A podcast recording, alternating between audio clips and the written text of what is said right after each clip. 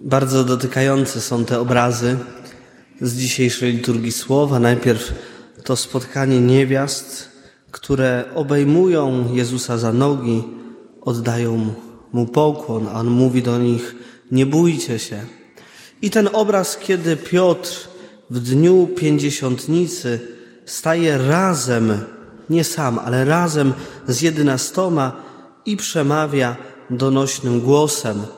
Głosi tak zwany kerygmat, prawdę o grzechu człowieka, o tym, że my Jezusa przybiliśmy innych rękami do krzyża, ale też prawdę o tym, że On ten grzech, nasz grzech zwyciężył, zmartwychwstał, powrócił do życia i nas obdarza nowym życiem. Drogie siostry, drodzy bracia, Piotr występuje w imieniu Kościoła. W dniu pięćdziesiątnicy, to jest to czytanie, które dzisiaj słyszymy w drugi dzień świąt, w dniu pięćdziesiątnicy objawia się Kościół. Piotr w imieniu całego Kościoła występuje, aby głosić Ewangelię. Chciałbym, abyśmy jeszcze na chwilę wrócili do Wielkiego Piątku i do momentu ukrzyżowania, do prawdy teologicznej, biblijnej, która nam bardzo często umyka przez te dni, choć jest bardzo mocno, szczególnie w Wielką Sobotę, w Wigilię Paschalną wpisane. Prawda o tym, prawda o Kościele. W momencie ukrzyżowania, drogie siostry, drodzy bracia, rodzi się Kościół. Jezus, oddając za nas swoje życie, powołuje do istnienia Kościół, czyli wspólnotę, a po swoim zmartwychwstaniu przychodzi, aby ten Kościół na nowo zgromadzić, żeby apostołów na nowo zjednoczyć i ich posłać. W dniu pięćdziesiątnicy zsyła na nich Ducha Świętego, żeby oni wyszli z zamknięcia ze swojego lęku i otworzyli się na innych. Wtedy jest ten moment objawienia się Kościoła. W święta wielkanocne wpisany jest zamysł. Bóg chce, abyśmy żyli w Kościele. Bóg rodzi Kościół i po zmartwychwstaniu go na nowo gromadzi. Drogie siostry, drodzy bracia, zdaję sobie sprawę, że mówienie o Kościele nie jest atrakcyjne. Zdaję sobie sprawę, że mówienie o Kościele nawet wydaje się dzisiaj kontrowersyjne, bo raczej nie przyznajemy się przed innymi, że jesteśmy członkami Kościoła. Wręcz za Kościół się nieraz wstydzimy. Kiedy słyszymy i kiedy niestety będziemy słyszeć o różnych aferach, skandalach, szczególnie wśród duchowieństwa. Kiedy słyszymy o Janie Pawle II i tak naprawdę trudno nam rozeznać, gdzie jest prawda. Kiedy słyszymy niedawno o tym, co wydarzyło się w Sosnowcu, kiedy jeden z księży zabija drugiego, a później popełnia, sam odbiera sobie życie. Kiedy słyszymy o tych różnych rzeczach, to trudno nam stanąć za Kościołem i trudno nam przyznać się, że jesteśmy w Kościele, że jesteśmy ochrzczeni, wszczepieni w Kościół, wszczepieni w Chrystusa. A przecież podczas Wigilii Paschalnej odnawialiśmy przyrzeczenia chrztu, cieszyliśmy się z tego, że Bóg nas wszczepił w Kościół. Chciałbym, abyśmy dzisiaj zadali sobie pokrótce pytanie, czy w obliczu tego wszystkiego, co się dzieje w Kościele, w naszej wspólnocie, czy chcemy nadal być w Kościele? Czy my nadal, drogie siostry, drodzy bracia, Kościoła potrzebujemy? Żeby odpowiedzieć sobie na to pytanie, trzeba sięgnąć do przepięknej, przebogatej liturgii słowa z Wigilii Paschalnej. Pierwsze czytanie, jakie usłyszeliśmy, to opis stworzenia. Bóg stwarza człowieka na swój obraz i swoje podobieństwo. Bóg jest wspólnotą osób. W Trójcy Świętej jedyny jest Ojciec, Syn i Duch Święty, nieustanna wspólnota. A więc my stworzeni na obraz i podobieństwo Boga, który żyje w nieustannej więzi, relacji, wspólnocie, również swoje serce mamy zapisane pragnienie życia we wspólnocie. To nie jest tylko nasz wymysł, ale to jest pragnienie, które jest najgłębiej wpisane w nasze serce. Pragniemy żyć we wspólnocie, tak jak żyje nasz Bóg. Dlatego Bóg zaraz po stworzeniu Adama stwarza Ewę i w bardzo wymowny sposób, to jest ten drugi opis stworzenia, stwarza Ewę z żebra Adama, z części jego ciała po to, żeby ona czuła, że jest jego częścią, żeby on czuł, że ona jest jego częścią i mają się nawzajem uzupełniać, że potrzebują siebie. Pan Bóg tak stwarza człowieka, Adama i Ewę, żeby pomóc im żyć razem, żyć we wspólnocie. Ksiądz Blachnicki o tym pisze.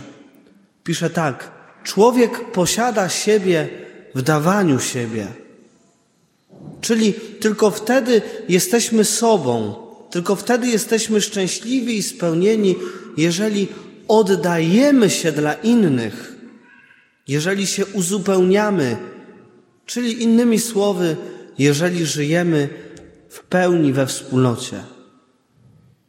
A więc to pragnienie wspólnoty to jest pragnienie, które przede wszystkim każdy z nas odczuwa.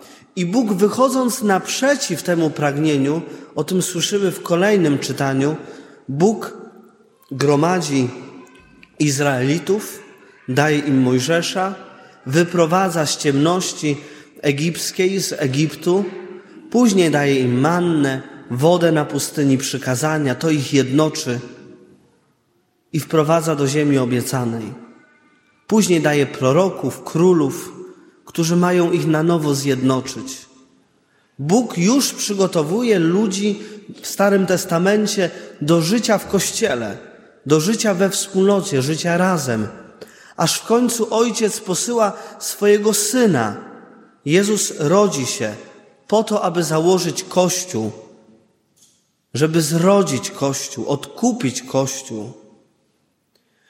Najpierw gromadzi apostołów, naucza, uzdrawia, w końcu ustanawia Eucharystię, sakrament jednoczący, zjednoczenia, jedności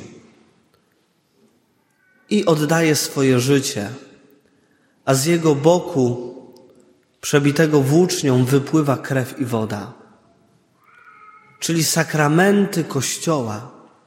Z jego boku rodzi się Kościół, woda, czyli chrzest, chrzest, który włącza nas w ciało Chrystusa, w Kościół i krew, która jest znakiem Eucharystii, która jednoczy nas w Kościele, we wspólnocie. W momencie ukrzyżowania, kiedy wydaje się, że już nic nie jest w stanie uczynić, mówi do Jana, oto matka Twoja, a do matki oto syn Twój i biorą siebie nawzajem do siebie, do swojego serca, tworzą wspólnotę, tworzą Kościół. I po zmartwychwstaniu Chrystus przychodzi, aby ten Kościół zgromadzić, aby zesłać im Ducha Świętego, ażeby ten Kościół uzdolnić do tego, żeby wyszedł do innych.